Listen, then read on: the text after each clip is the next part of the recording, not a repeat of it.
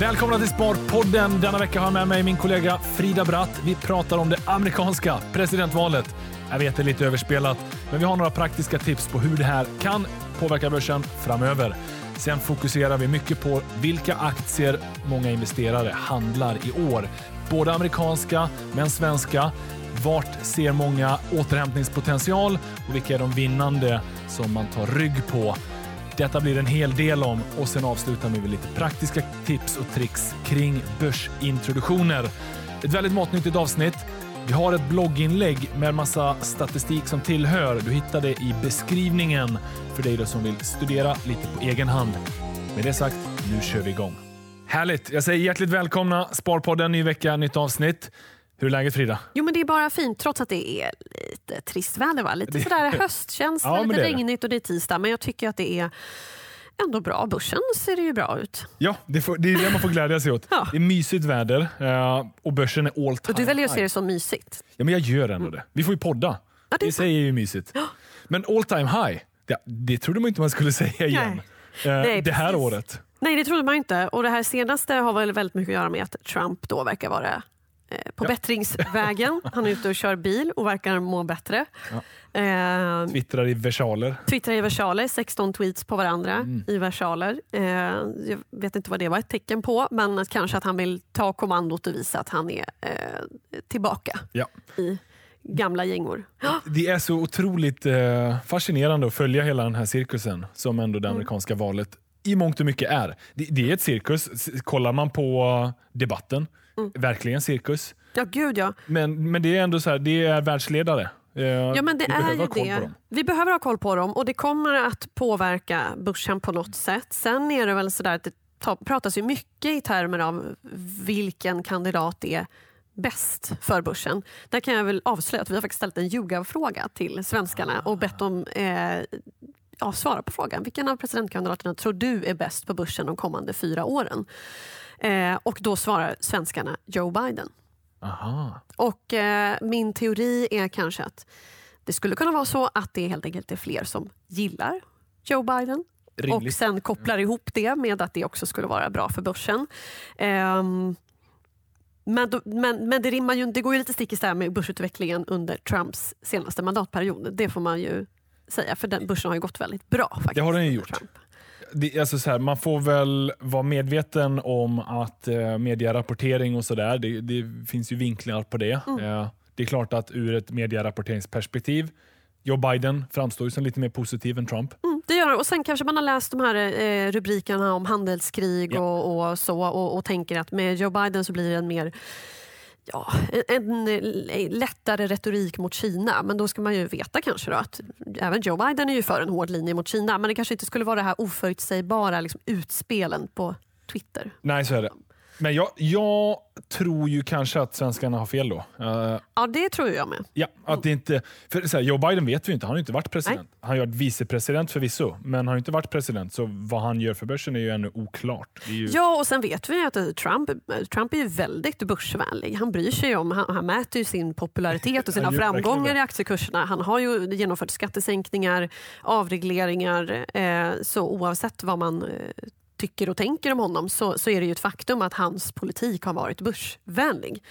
Eh, men i alla fall, det som jag tror är liksom den största risken i samband med det här valet, det är väl snarare att det blir väldigt stökigt. Att det drar ut på tiden innan vi får ett resultat. Och, och där någonstans så blev det också att eh, när, när Trump sjuknar in så ökar väl eh, liksom osäkerheten ännu mer. Hur blir det nu om han inte kan vara ute på sin valkampanj? Kommer han hävda att vi ska skjuta upp det här? Eller hur? Det blir ju ytterligare en, osäkerhet. Men just det här efterspelet, att det kan ta väldigt lång tid innan vi har en segrare. Det tror jag är kanske det som känns, och det känns tyvärr som lite som huvudscenariot nu. Ja. Men det skulle också i en tänkbar värld kunna vara det som är positivt för börsen. För om jag får gissa lite, så, eller om jag fick önska, vad som vore det bästa för börsen vore ju om, eh, vi bara leker hypotetiskt då att Trump vinner, men att Demokraterna får kongressen. För lite så ser ju det amerikanska politiska systemet ut. Att de har lite olika instanser, senat, kongress och president. Eh, domstolen spelar en viss roll också. Men eh, som det ser ut just nu har ju Trump presidentskapet, eh, liksom republikanerna, men kongressen den domineras av demokraterna. Och Då får man ju ofta lite eh, stilleståndläge. Ingen kan driva alldeles för hård politik för du måste hela tiden förhandla för att få med dig i majoriteten. Förutom utrikespolitiken va? Utrikespolitiken ja. Där, där har eh, Trump väldigt mycket, Ja. eller presidenten har. Och, och Sen har ju han sina metoder för att få saker igenom ändå. Ehm, och, och Det liksom finns problem med det. Men ur ett börsperspektiv så är ju egentligen det bästa när vi inte får allt för kraftig politiska vindar i någon riktning. Ja, just det. Man vet lite vad man har Ja. och man vet lite vad man får framöver. Ja. Det är ju tryggt. Det är ju lite tryggt. Men sen är det klart att med Trump så kommer de här Twitter-spelen som vi inte vet vad det innebär, som ändå får börsen att rusa 5% positivt eller negativt. Exakt. Eh, så att, ja, men kanske då ett annat scenario Joe Biden vinner men Republikanerna tar kongressen. Så skulle du kunna få ett liknande scenario. Och eh, som det ser ut nu då så är, är det ju liksom opinionsmätningsmässigt Biden ledning. Kanske Absolut. också därför svenskarna väljer det. Men, Men så kan det ju vara. Eh, och, och man har ju redan sett eh, liksom, vilka sektorer som har gått ganska bra. Man har redan sett det så här, eh, bolag inom typ förnyelsebar energi i USA Japp. har gått bra eh, och har redan liksom stigit lite grann. För man ser liksom nu att eh, det finns en möjlighet att Biden vinner och han har ju ett ganska ambitiöst program då för att ställa om. Vilket, tada, Trump inte har. Nej, exakt. Nej, men det är väl en rimlig gissning att eh, clean energy, hållbara förnyelsebar energi kommer att vara i ropet om Biden vinner. Ja. Medan Trump då kommer det ju kanske vara lite, han har ju också varit lite sådär anti mot de här stora techjättarna. Utan han vill ju värna för eh, den amerikanske arbetaren och de här techbolagen, förvisso många anställda men eh, väldigt få sett till egentligen den globala, eller den, hela den amerikanska ekonomin. Ja, och de passar inte riktigt in som sagt på, som du säger på hans bild av den Nej. amerikanska arbetaren. Jobbar ju snarare i kanske oljesektorn Ja, eh, ja. som är jätteviktig för honom som kommer då kunna andas ut. Ja, och butik, retail, den delen också. Men eh, ja, det är ju, det är ju så breda penseldrag. Eh, det är fortfarande extremt svårt att sia om vad som kommer att hända Mm. efter 4 november när vi förhoppningsvis har ett resultat. Ja, det tror inte jag vi har. Nej, Men vi, vi får faktiskt- se. Eh, Röstningen är ju 3 november, men eh, och det är bara en månad kvar. Det är lite galet. Mm, det är lite galet. Men det kommer nog att höras en hel del mer om det här. Verkligen, och det är inte så konstigt heller. Att det, det, eller så här, ibland så tycker jag i alla fall att man kan känna att nu är det mycket Ja. USA och mycket det amerikanska presidentvalet i svensk media. Eh, det är ju en ständig diskussion att så här, är vi inte lite väl liksom, USA-fixerade? Eh, vi, media kanske. Eh, men sen tycker jag ändå att ja, men det finns en poäng med att vi har bra koll på vad som händer. Därför att vi har ju väldigt stor del av vårt sparande faktiskt Ja, med exponering mot USA. Eh, både direkt, vi har ju sett att intresset för eh, speciellt de här eh, techjättarna har skjutit i höjden, särskilt sen i våras. Men också indirekt. Därför att den amerikanska börsen har gått så pass bra så att den väger tyngre i typ världsindex. MSCI World är liksom snarare 60% USA nu än 50% som det var för ja, 10-15 år sedan. Ja. Ehm, så att vi har ju liksom fått en ökad exponering mot USA, så det spelar roll. Globalfonder, vår populäraste eh, fondsparform, eh, fondtyp, eh, ja, då har du ju 60 i USA. Och där kan det ju många lägen då vara liksom 6-7 procent. Apple kanske? Absolut. 5-6 procent. Ja. Microsoft likaså. Eh, Facebook, Google kanske 2-3 procent. Mm. Ja. För, för de, de här fem största utgör ju närmare 20-22 procent av SP500. Mm. Och det Ja, är men den globalfonder ofta då har en stor andel i. Exakt. Eh, så, så titta på liksom valfri global indexfond så är ju de här de största innehaven. Så rimligtvis även AP7. Eh, för Ja, den är ju absolut. en global indexfond. Precis, så även den då, för jag är ju ute och pratar ganska mycket eh, mot sådana som kanske inte är jätteinsatta eller jätteintresserade och som kanske ställer sig frågan varför är det här viktigt för mig? Och då brukar jag ju förklara just det. Ja, men även om du inte ens, du kanske är så pass ointresserad att du inte ens har gjort ett val i premiepensionen, ja, då har du dina pengar i soffan. Ja, då har du också exponering mot de här. Eh, för det är så det funkar. Så vi äger ju, alla inom citationstecken äger ju de här. Ja, men då, då blir det plötsligt väldigt relevant att ha koll på de här fem stora. Mm. Apple, Amazon, Facebook, Google och Microsoft. Ja. Det, det är de som är verkligen de dominerande och utgör så stor andel. Mm. Sen är ju det fortfarande en ganska bra idé att ha globalfonder med det sagt. Men Absolut. att komplettera då kanske. Ja, eh, mitt budskap är ju verkligen inte att du ska inte ha globalfonder för att eh, fördelningen där mellan olika Mm. regioner har förändrats. Nej, men däremot är det bra att veta att det ser ut så här så att man inte, som du säger, inte kompletterar tokigt. Man behöver ju kanske inte köpa en USA-fond också. Eh, för då blir det väldigt mycket USA. Eh, så att man liksom kompletterar med rätt saker. Det är mer det som är mitt budskap. Och därför är det bra att känna till bara. Nej, men jag tog faktiskt eh, fram de mest köpta amerikanska aktierna, vilket är lite kul när vi är inne på ämnet ändå. Mm. Eh, av de här fem stora så är både Microsoft och, och Apple de absolut populäraste. Nu kollar jag på Nordnets kunder eh, under helåret 2020. Den absolut mest köpta amerikanska aktien är Microsoft, tätt följt av Apple. Då.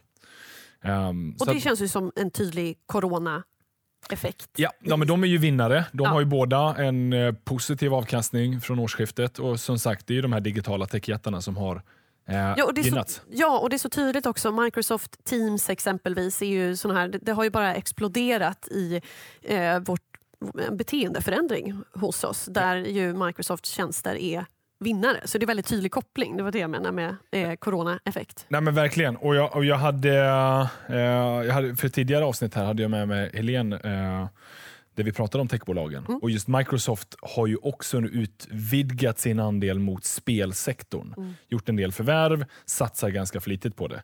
Eh, en, en sektor som också gynnats ganska mycket av den här digitala Jät- Ja, jättetydligt på den svenska börsen. Ju. Ja, ja. ja ja, men du menar typ Evolution Gaming, Ja. Embracer och Ja. Mm. Stillfront och liknande. Ja, också lite intressant bland de amerikanska aktierna är, är ju elbilsracet. Eh, racet. Mm. Tesla, eh, aktien har ju tokrusat i år. Men även då på, bland de topp 20 mest handlade så hittar man även den kinesiska Nio Mm. och sen eh, den här Nikola. Eh, amerikanska också elbils, Ja, ja, förhoppningsvis tillverkare. ja. Vi får väl se hur det där spelar ut sig. det- Den aktien har ju varit ganska så instabil. Den Ja. är ner 50 procent senaste 30 dagarna. Exakt. Och det är lite skriverier kring det. Ja, och även Tesla. Alltså det, det har ju varit en helt häpnadsväckande Ja. uppgång ju i Tesla. Eh, det är ju inte konstigt att det börjar darra lite grann. För det är väl det tycker jag, om man pratar om börsen lite allmänt också, så känns det ju ändå som att vi har en lite ökad nervositet.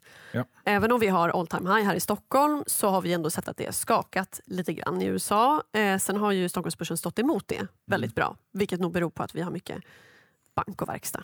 Helt enkelt. Vi har en annan. Teknikbolagen har ju så här, senaste månaden, två Ja. månaderna eh, svajat ganska mycket. De har ju svajat efter ganska mycket. rusningar. Ja, så det ska man ju säga här att samtidigt som börsen är på all time high så börjar man ändå känna att det börjar bli lite darrigt. Och det som att, jag tycker känslan nu är också att många, man väntar lite grann på när kommer det, liksom, det riktiga bakslaget. Ja.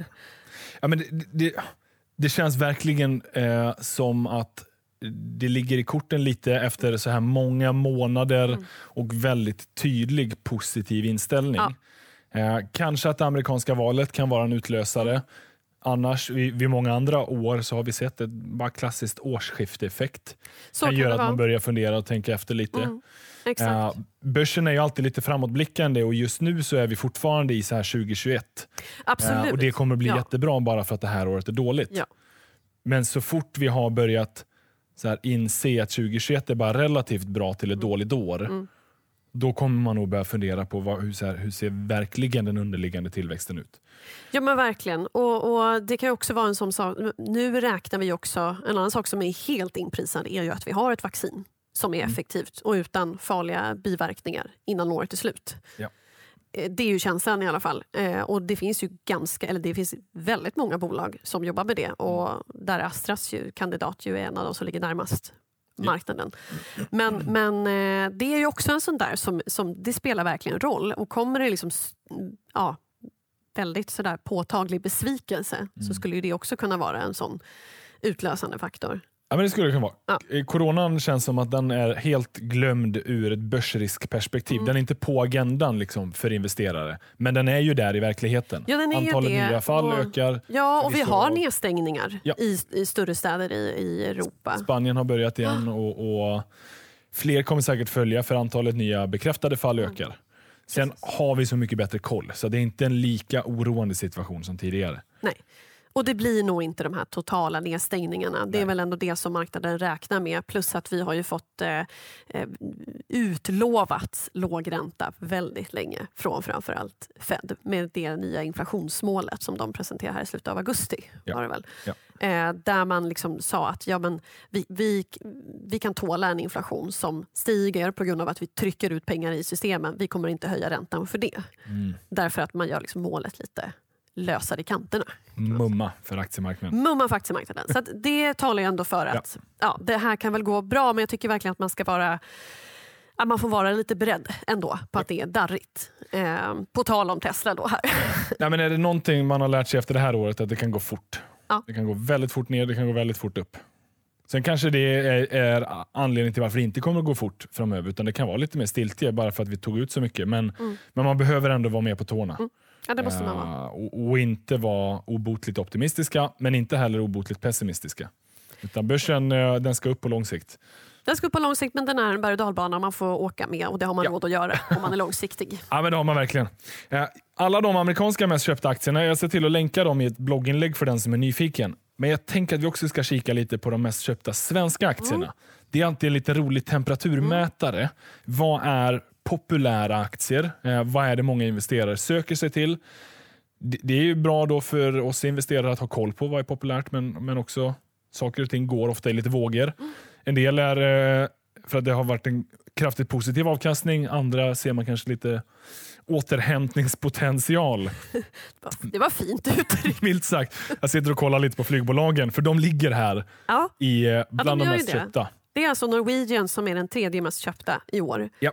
Kursutveckling minus 97 procent. Alltså det, är, och du, det, är så här, det är 97 procent ner från årsskiftet. Mm. Aktien är under en norsk krona. Det är nästan otänkbart att den var uppe i 200 för bara några år sedan. Det känns helt otroligt. Och, och saken är den, jag har tittat, tycker det här är väldigt spännande, eh, och tittar lite grann på statistik och hur spararna agerar i Norwegian. Och det är ju framförallt under sommaren som svenska sparare har köpt Norwegian. Norska sparare har liksom varit med längre, Det har gjort det väldigt länge. väldigt länge. Eh, men de började köpa i högre utsträckning då liksom, i mars. typ. Eh, svenska sparare har liksom köpt mer och mer månad för månad under sommaren. Eh, och eh, ja, det är ju eh, en chansning får man väl. Ja, men det, måste, det är det ju. Alltså, Ja. Man tänker att de här kommer att överleva förhoppningsvis. Förr eller senare ska vi flyga. För det är så ur- urbombat just Mm. nu. 97 procent ner. Kan det verkligen gå ner mycket mer? Tänker man. Mm. Men man får ju alltid komma ihåg, bara för att det har gått ner 97 procent, det kan gå ner 97 procent till. Exakt, och det är där som är lite, det kan man luras av Ja. lite grann.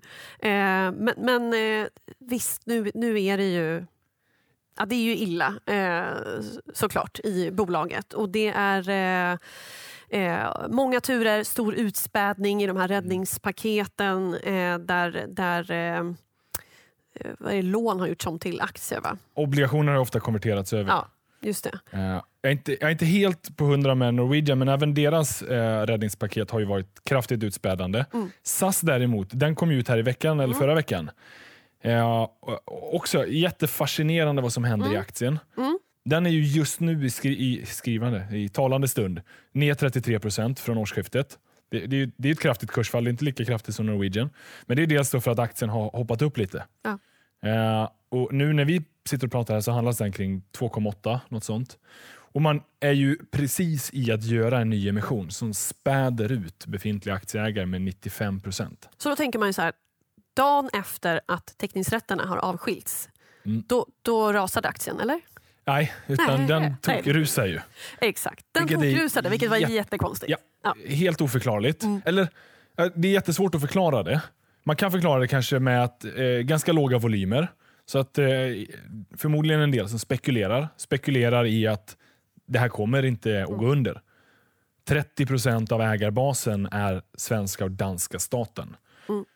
Och sen har vi ytterligare 6-7 procent på det är Wallenberg. Så Man tänker så här, de, det här bolaget kommer inte tillåtas att gå under. Nej, det, det är väl lite det många ja. spekulerar i, ja. antar jag. Uh, för annars så, det, det, är svårt att se rimligheten i att mm. kursen rusar så mycket. Mm. Um, Men det, det som jag inte får ihop är ju ändå att eh, teckningsrätter har ju ett värde. Ja. Så varför går man inte in och får de där teckningsrätterna och i så fall säljer vidare om man inte vill delta i nyemissionen? Det är det jag inte riktigt får ihop med det här. Nej. Varför väljer man att gå in... Man, man tänker så här, bolaget kommer att överleva, jag vill inte delta i nyemissionen, jag köper aktien och får exponering då mot den här eventuella uppsidan när liksom, emissionen, teckningsrätterna avskilts. Men jag får inte riktigt ihop det heller. Så vi landar väl du och jag någonstans, vi har pratat om det här, att det är spekulation ja, på något sätt ja. som har drivit upp det här. Och det ser ju Rena karusellen faktiskt. Ja, det, det härliga med det är att det finns mycket lärdomar att ta här. En är ju marknaden är inte effektiv. Eh, punkt. Det, det, kan vi konstatera. Mm. Uh, och Det kan vi konstatera så enkelt som att aktien nu, den, dels då är ju SAS noterat på tre marknader, Sverige, Danmark, Norge. Där var prissättningen jättestor skillnad. Norge tokrusade den upp mot sju, nästan åtta norska kronor. Medan den svenska då var uppemot eh, liksom fyra eller något sånt mm. där. Så att bara där, samma bolag, mm. eh, men vitt skilda priser.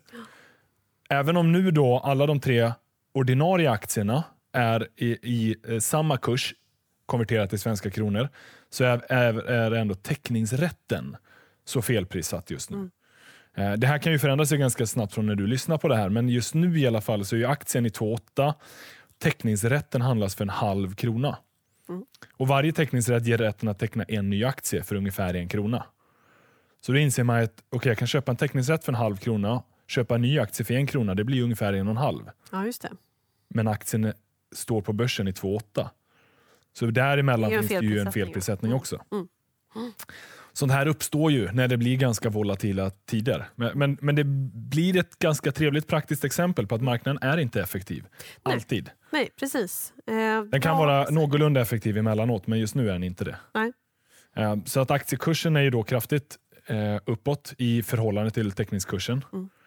Och sen då, sett i den här utspädningen, givet vad aktiekursen är i just nu, har SAS ett börsvärde på närmare 20 miljarder kronor. För referensmått då så har SAS legat på mellan 3 till 5-6 miljarder i börsvärde mm. de senaste typ 10 åren. Så det framstår ju som Ja. Det är ju, förvisso gör de massa emissioner och får in nya pengar, så det är ju bra för att försöka hålla verksamheten levande och kunna växla uppåt senare. Mm. Men de får in ungefär 5-6 nya miljarder. Mm. Det gör ju inte att... Det blir inte 21. Det blir inte 21. Nej. Så att någonstans eh, har, har siffrorna slagit lite slint. Mm. Nu räknar jag också här med ganska grova liksom, eh, eh, avrundningar, mm. men, men för att man ska lyssna ska förstå. Mm.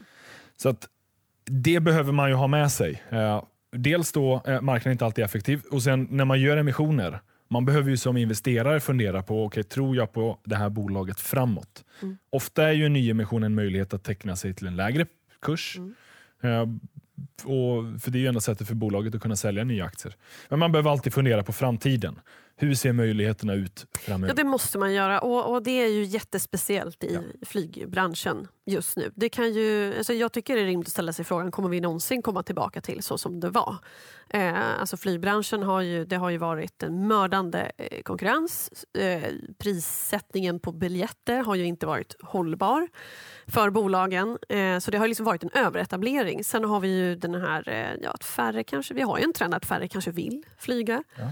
Eh, vi har ett beteende som kommer nu under pandemin som kanske håller i sig. Att vi väljer att flyga mindre. Vi upptäcker affärsresenärer som är jätteviktiga för väldigt många flygbolag. Ja, det går ju rätt bra det här. Ta mötena via Zoom och Teams. Eh, så att, eh, det är tufft. Det är tufft. Flyg kommer att existera även efter corona, men det kommer nog inte vara på samma nivå. Jag tror inte det. SAS, både SAS och Norwegian är ju väldigt transparenta och duktiga på att delge sina mm flygsiffror. Absolut. Och nu, nu kollade jag SAS senast då, i augusti. Då är antal passagerare ner med 74 procent eller något sånt. Oj, oj, oj. Från augusti förra året. Mm. Eh, så det säger ju en hel del om intjäningsförmågan mm. just nu. Det, det, är en bit kvar innan det här lyfter igen. Mm. Eh, det får man ju... Pun intended. Det får man ju säga. Men eh, eh, också fascinerande, aktieägare, antal aktieägare har ökat kraftigt. Eh, de uppgav här i prospektet per sista augusti 110 000 aktieägare i SAS. Mm. Vid års, eh, I årsredovisningen förra året så var det ungefär 60 000. Så Mm. att, eh, rätt många fler som har köpt då. Rätt många fler. Och som sagt, det, det ser vi jättetydligt Japp. eh, på Nordnet att det, det är så. SAS var ju, om inte jag minns helt fel, väldigt, väldigt köpt just under den värsta turbulensen. Mm. Under våren när det såg som allra eh, liksom, värst ut. Så var tillströmningen av nya aktieägare jätte, jättestor Mm. i SAS. Ja. Men Norwegian har som sagt det har fortsatt liksom successivt hela tiden. Månad för månad. Ja. Flyg, flygbranschen den är svår eh, och just nu kanske ännu svårare än någonsin. Med det sagt, det måste inte vara fel att investera i det, men man behöver alltid som investerare tänka på okay, bolaget, vad sysslar de med? Fattar jag det? Vad är framtidspotentialen? Och Verkligen. sen, vad är priset jag köper för? Mm. Är, för det din avkastning är från vad du köper till vad du säljer. Absolut. Är priset för högt så kanske det inte blir en bra investering, oavsett. Precis. Ja, med det sagt, det finns många andra spännande bolag också som man har köpt under, åren, Mm. eh, under året. Vad tycker du om ettan där? Investor, investmentbolag, eh, Gillar du? det gillar jag. Eh, så det är kul att se att det är många som har investerat i investmentbolag. Det känns som att det är väldigt många som har köpt Investor. Eh, ja, men dels nya kunder som har tillkommit och köpt Investor men jättemånga som matat på helt enkelt. Det är Alltså, verkligen en såväl liksom- folkaktie. Ja, alltså, I såväl nedgång som uppgång så har man liksom matat på månadssparande. Köpt mer och mer Investor. Eh, funkar ju bra. Investor, jag gillar Investor. Det är ju en av de investmentbolag som, där vi har en rabatt.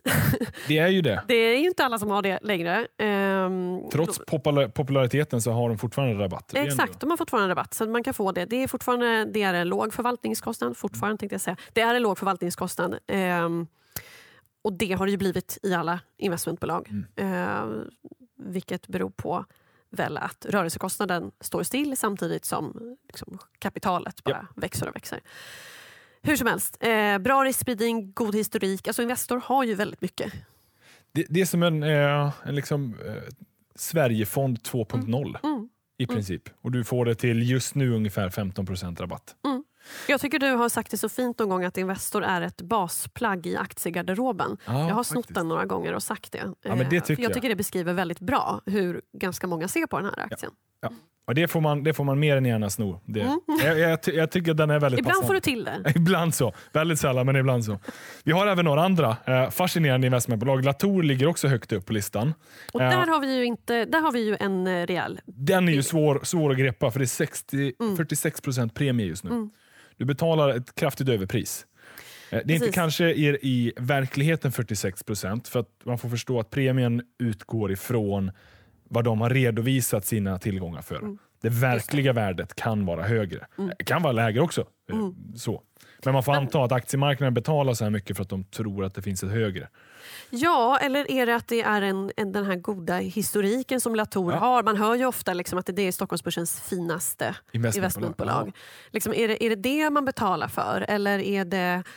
Det, det är ju en intressant diskussion. Du är ändå någonting på spåren tror jag. Det, det är en bra spaning att ha med sig att det finns många sådana här givna sanningar. Mm. Ett, ett basplagg i aktieportföljsgarderoben. Alltså sådär, efter ett tag kommer det bli en sanning. Det är inte så att Investor alltid kommer att vara ett bra basplagg. Det är inte så att Latour alltid kommer att vara eh, det investmentbolaget som har levererat bäst. Så man behöver ju som investerare också ifrågasätta sådana givna sanningar. Absolut. Och inte bara hoppa på dem för att Nej, alla nej. andra säger det. Nej. För, för det, vi, det här året 2020 är det ju väldigt många individer som har fått upp ögonen för börsen. Mm. Som kanske inte tidigare har fått upp ögonen för börsen. Ja, och då är ju investmentbolag, och det säger vi ju ofta att investmentbolag är en bra idé då om man är nybörjare. Eh, just för att det är, man får den här riskspridningen, man får ta rygg på en erfaren förvaltare. Det är lite som att investera i fonder men eh, liksom, ja, något mellanting kan man väl säga. Eh, så det är kanske inte så konstigt att de har blivit väldigt populära. Nej, det är bra men det är inte felfritt. Så se till Ja, att fundera på innan du köper, vad betalar du för det? Mm. Är det ett rimligt pris? Och förstår du bolaget? Ja, men det finns en anledning att, att ställa sig den frågan faktiskt. Om den här premien då, som man ser i flera bolag är rimlig. Eh, sen kan ju den vara, men i Creades har du ju mycket eh, Onoterat. onoterat ja, som är, vad är det, Apotea och Tink och ett typiskt bolag som verkligen Ja. ligger i tiden nu. Inet. Ja. Ja, så det, det, det är klart att det kan finnas anledningar men man kan ändå, tycker jag, tänka till både en och två gånger. Är det så att liksom aktien börjar falla och premien börjar falla, alltså underliggande aktier Ja. börjar falla och premien samtidigt, Då blir det en dubbelknock. då blir det en dubbelknock. Och det är Eh, lika så hittar vi både Svolder och Bure som också är med på den här topp 20-listan. Eh, de har ju båda en premie Mm. och har nästan bara noterade tillgångar. så du kan Svolder enkelt har, bara efterlikna. Svolder har bara noterade tillgångar. Och, eh, man kan fråga sig lite, för då kan jag tänka så här, om det här är en portfölj som är enkel att efterlikna, vilket det ju är om portföljen mest består noterat, då måste det vara någonstans att man ändå, ja, men, jag orkar inte riktigt göra jobbet, jag tar ryggen då. Ja. Men det, det, är, ja, det tål att tänka på lite grann innan man tar ett sånt beslut. Bara fundera på liksom, varför. Yes.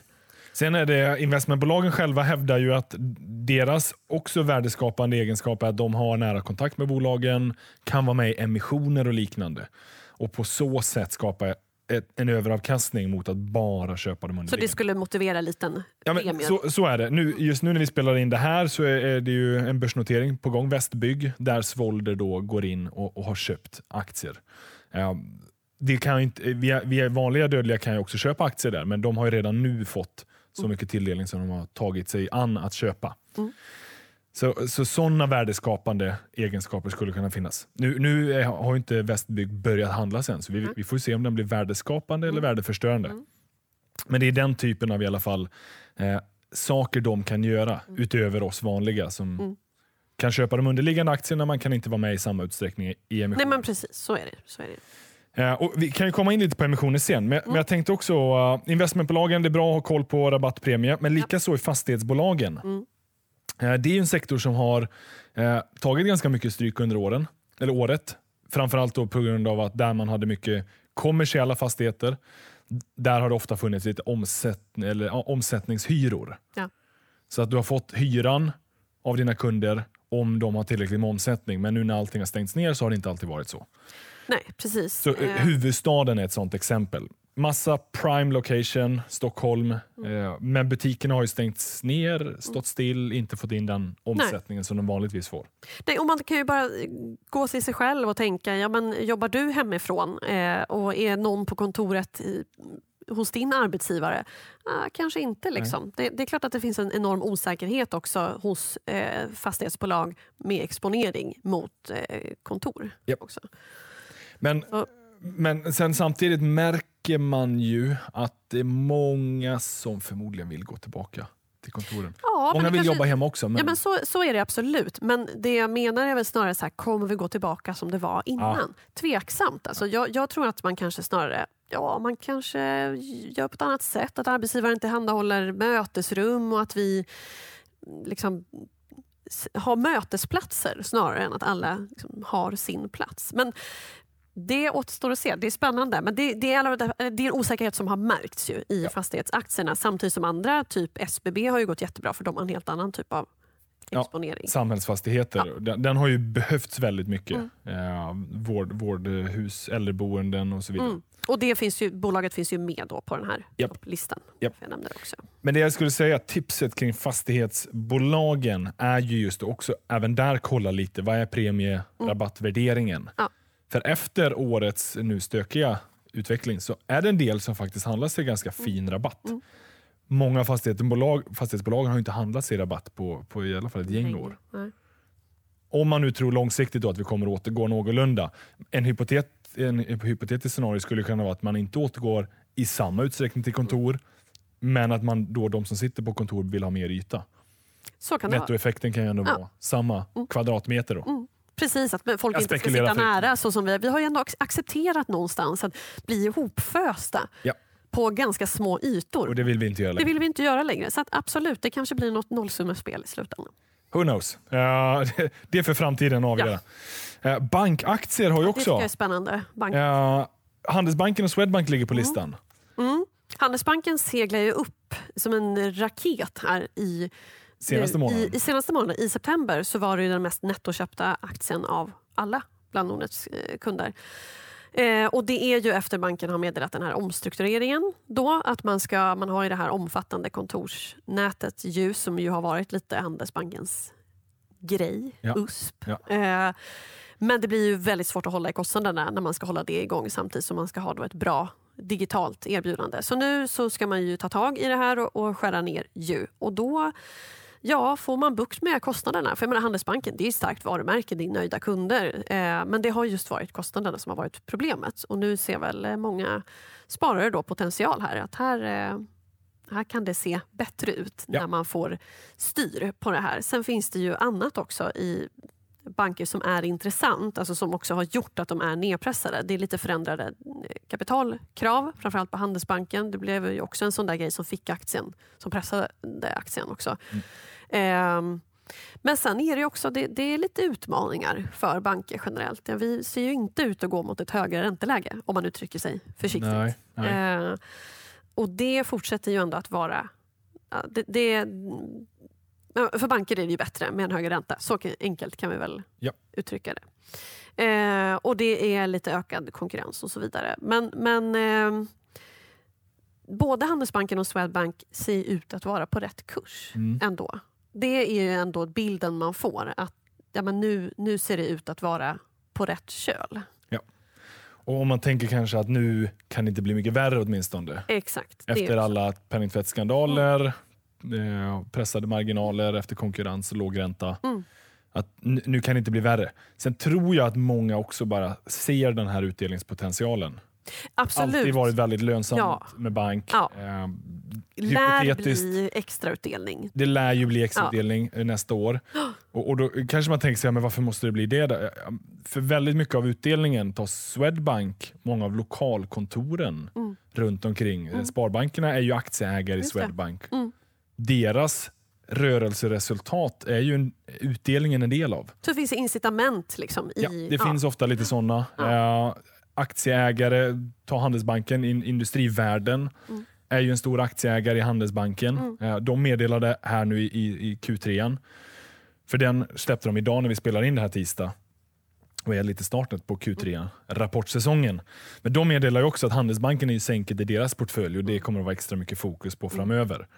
Så att jag tror ur ett investeringsperspektiv är det många nu som vill se till att styra upp de här bankerna. Mm. Eh, och kan vi bara få den här coronakrisen över, det är inte lika mycket press från Finansinspektionen på att de inte får dela ut, då kommer den att lossna. Ja, och jag tror det. Och det känns som att, som du säger, det här, det här värsta farhågan för kreditförluster, den känns ju inte överhängande längre.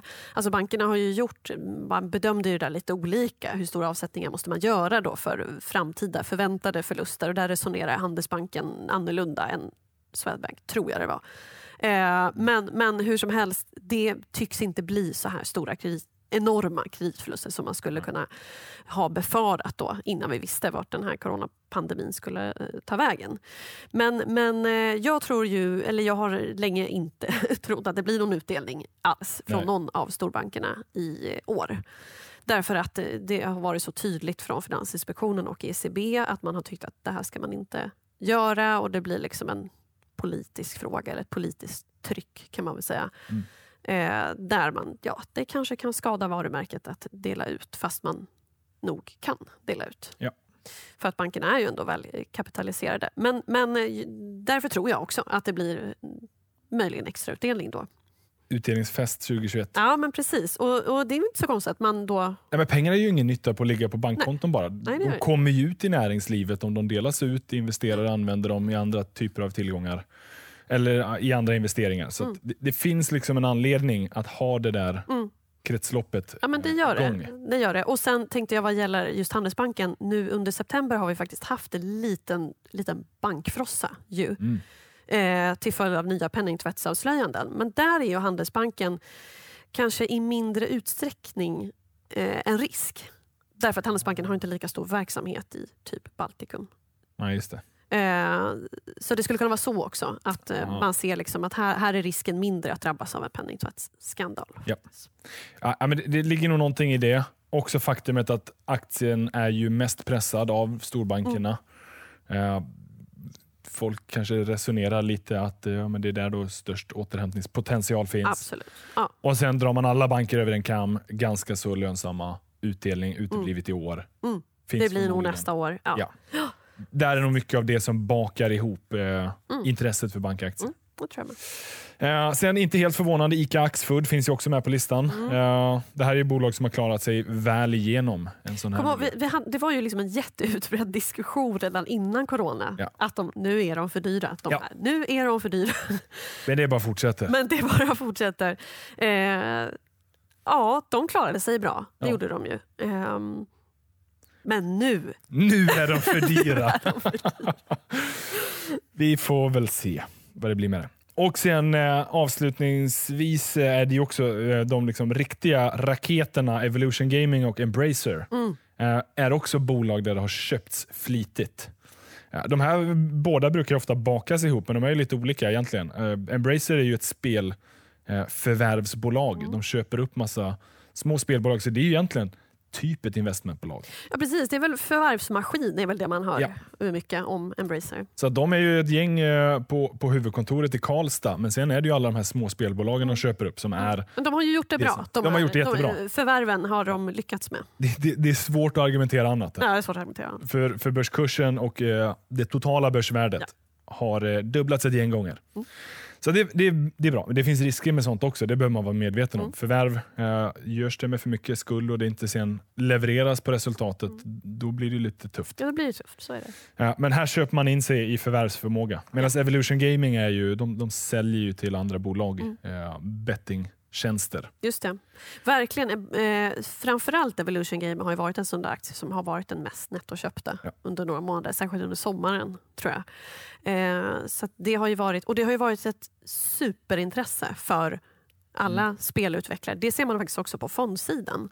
Eh, därför då har fonder som TIN Ny Teknik, eh, Robur Ny Teknik som äger Evolution, gamingbolag Ja, Eh, har ju varit jättepopulära också. Så Ja. det är verkligen så här, eh, gamings, den nordiska gamingsektorn har ju varit super. Verkligen. Eh, gaming och iGaming är ju det man Mm. pratar om. Alltså spelbolag och bettingbolag på svenska blir det väl. Eh, de är ju lite olika nischer men båda definieras väl av att de är ganska skalbara. De, de säljer en digital tjänst och lösning som du kan ofta skala upp. Mm. Eh, Evolution Gaming har, har också blivit så pass stora nu att de börjar få ganska mycket internationell uppmärksamhet. Ja, men, det, men det är kul att se. eh, Det är ju aktier som har gått väldigt bra som man har köpt. Så det är lite spridda skurar. Mm. Jag ser till att den här listan kommer upp på bloggen. eh, finns i beskrivningen till det här poddavsnittet. För den som vill studera lite mer. Eh, jag tänker vi avslutningsvis kan orda lite om börsnoteringar också. För vi, vi Ja. har en sån höst. Ja, det har vi. Det är spännande. Japp. Eh, många bolag som vill in på börsen eh, och det är kul. Det gillar ju vi som figurerar på börsen, att det är fler som vill vara där. Men, men det finns också en del funderingar som man behöver ha med sig när man ska vara med och teckna i sånt här. Mm, Det är väl egentligen därför det kan vara intressant att lyfta. exakt. När, när, när ett bolag ska till börsen, då, då kommer det alltid ett erbjudande, ett prospekt och sen så får man vara med och teckna. Mm. Och Det som investerare är ju viktigt att man förstår vad är det, liksom så här, varför ska de till börsen? Vad är syftet med det Ja, här? det tycker jag faktiskt är fråga nummer ett att Ja. ställa sig. Varför? Alltså, finns det en är det ett tydligt uttalat eh, satsning som ska göras? Ja, men då, då, då sätter jag mina pengar i arbete direkt. Japp. Eh, finns det liksom ingen tydlig uttalad satsning får man tänka så här, jaha, är det för att man vill marknadsföra sig? En börsnotering innebär ju väldigt mycket uppmärksamhet. Eller i värsta fall är det liksom för att dumpa någonting. Ja. Storägarna vill sälja av. Storägarna vill sälja av. Eh, är det för att eh, ja, pengar går in på ett bankkonto, då kan jag lika gärna sätta in mina pengar på ett bankkonto. Ja. Alltså, jag, vill ju, jag vill att mina pengar ska arbeta Ja, de ska växa. Det Ja. måste finnas en tydlig tillväxtambition och sen måste man ställa sig frågan, är det här rimligt ens? Kan de växa så som de nu uttalat säger? För de kommer ju säga någonting, Exakt. men det är ju framtid så vi vet Det är ju först. framtid och det känns, alltså, känslan är väl någonstans att alltså, eh, mängden eller andelen bolag som inte är lönsamma men som har tillväxtambitioner. känns som att Den mängden finns- sådana IPOs har ökat. Ja, det finns ett gäng sådana bolag. Det finns ett gäng sådana bolag. Och det behöver ju inte vara något konstigt med det. Men vi har ju Readly nyligen Mm. noterat. Eh, inte lönsamma. supertillväxtambitioner. Mm. Menar, Spotify är också ett sånt bolag, så det, det är liksom inget konstigt. Men, men man kanske ändå ska ställa sig frågan, eller någonstans göra sig en, en uppfattning. Om det här bolaget, ja okej, är det lönsamt eller inte? Ja. Eh, och liksom skaffa sig en bild av hur rimlig de här tillväxtambitionerna då annars är i så fall. Ja. Mm. Och Nu tänker man kanske som lyssnare så här, ah, men det är väl självklart att man ska läsa på och, och förstå bolaget. Men det, men det finns en ordentlig anledning till att påpeka det här. Eh, för Det är väldigt många som kör Mm. teckna sälj, har som strategi. Kollar vad, vad säger affärsvärlden, vad säger Börsveckan Mm. eh, när de analyserar IPO-bolagen. Ger dem en tumme upp, teckna. Ja, och det är inte så konstigt, för att, eh, någonstans är ju, det är ju inte irrationellt att göra så på ett sätt. Nej, det- Därför att vet du att, att Börsveckan Ja. skriver på ett visst sätt, då vet du att många kommer haka på. Liksom. Det kommer finnas ett intresse. Eh, och, och det är så enkelt också att teckna. Det är verkligen här, några klick ungefär. Ja. Eh, och sen vet man ju att ofta så är det ju en rabatt Ja. som ska liksom justeras eller korrigeras första handelsdagen. Japp. Eller man hoppas ju att det är en rabatt. Man hoppas att det är rabatt, men väldigt ofta så Ja, är det ju ja, det. ja. Just för att eh, det ska bli en lyckad notering och alla ska bli nöjda och, och så vidare. Eh, men, och, och då är det klart att man kan tänka sig att det här är ju en, eh, vissa bolag, en no-brainer. Bra, bra deal. Bra deal liksom.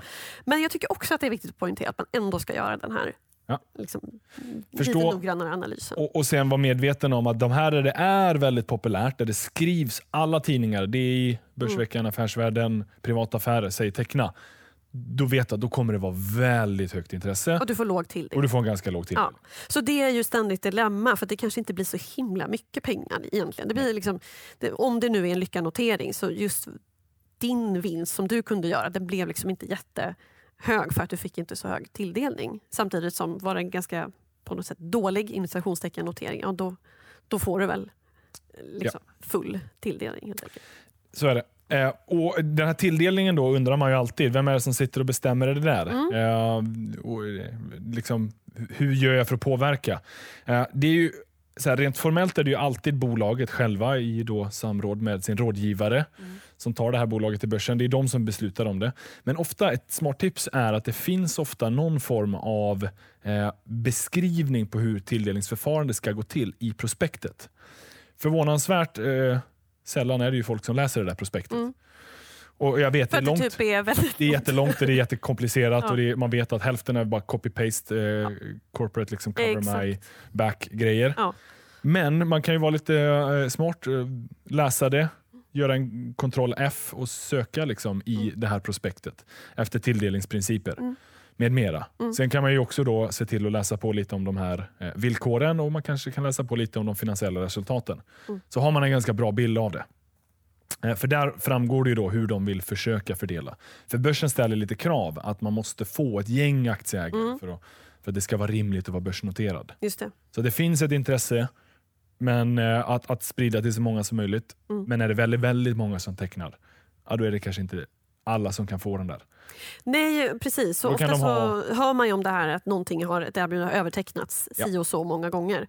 Eh, och ja, då, Det ger ju en bild av liksom Intresset. det, ja, precis, hur, många som, hur många aktier som efterfrågades Ja.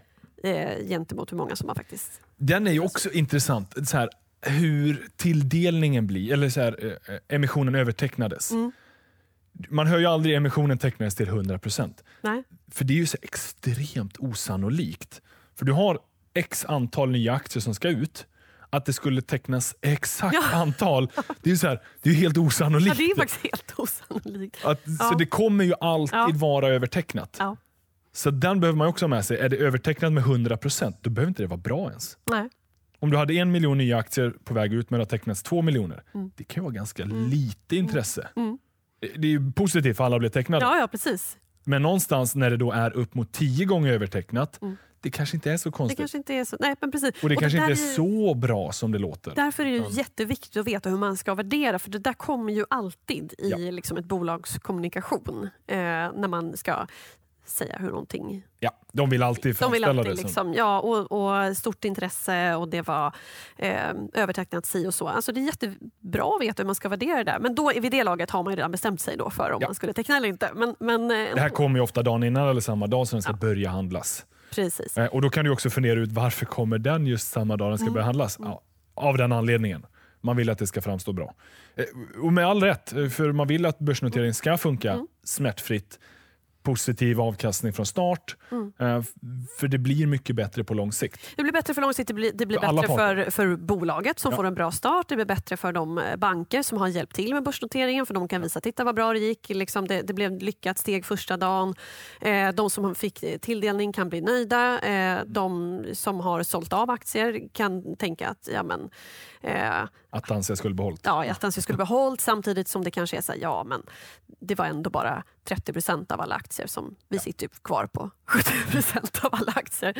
Ja, något sånt där. Det är faktiskt också en grej man kan kolla. Alltså, sitter ägare av kött och blod kvar Mm. i bolaget? Eh, går stora institutioner in? Det är väl också en sån här liksom, kvalitetsstämpel helt Ja. enkelt. Ja, men om inga stora institutionella placerare går in, varför ska jag då?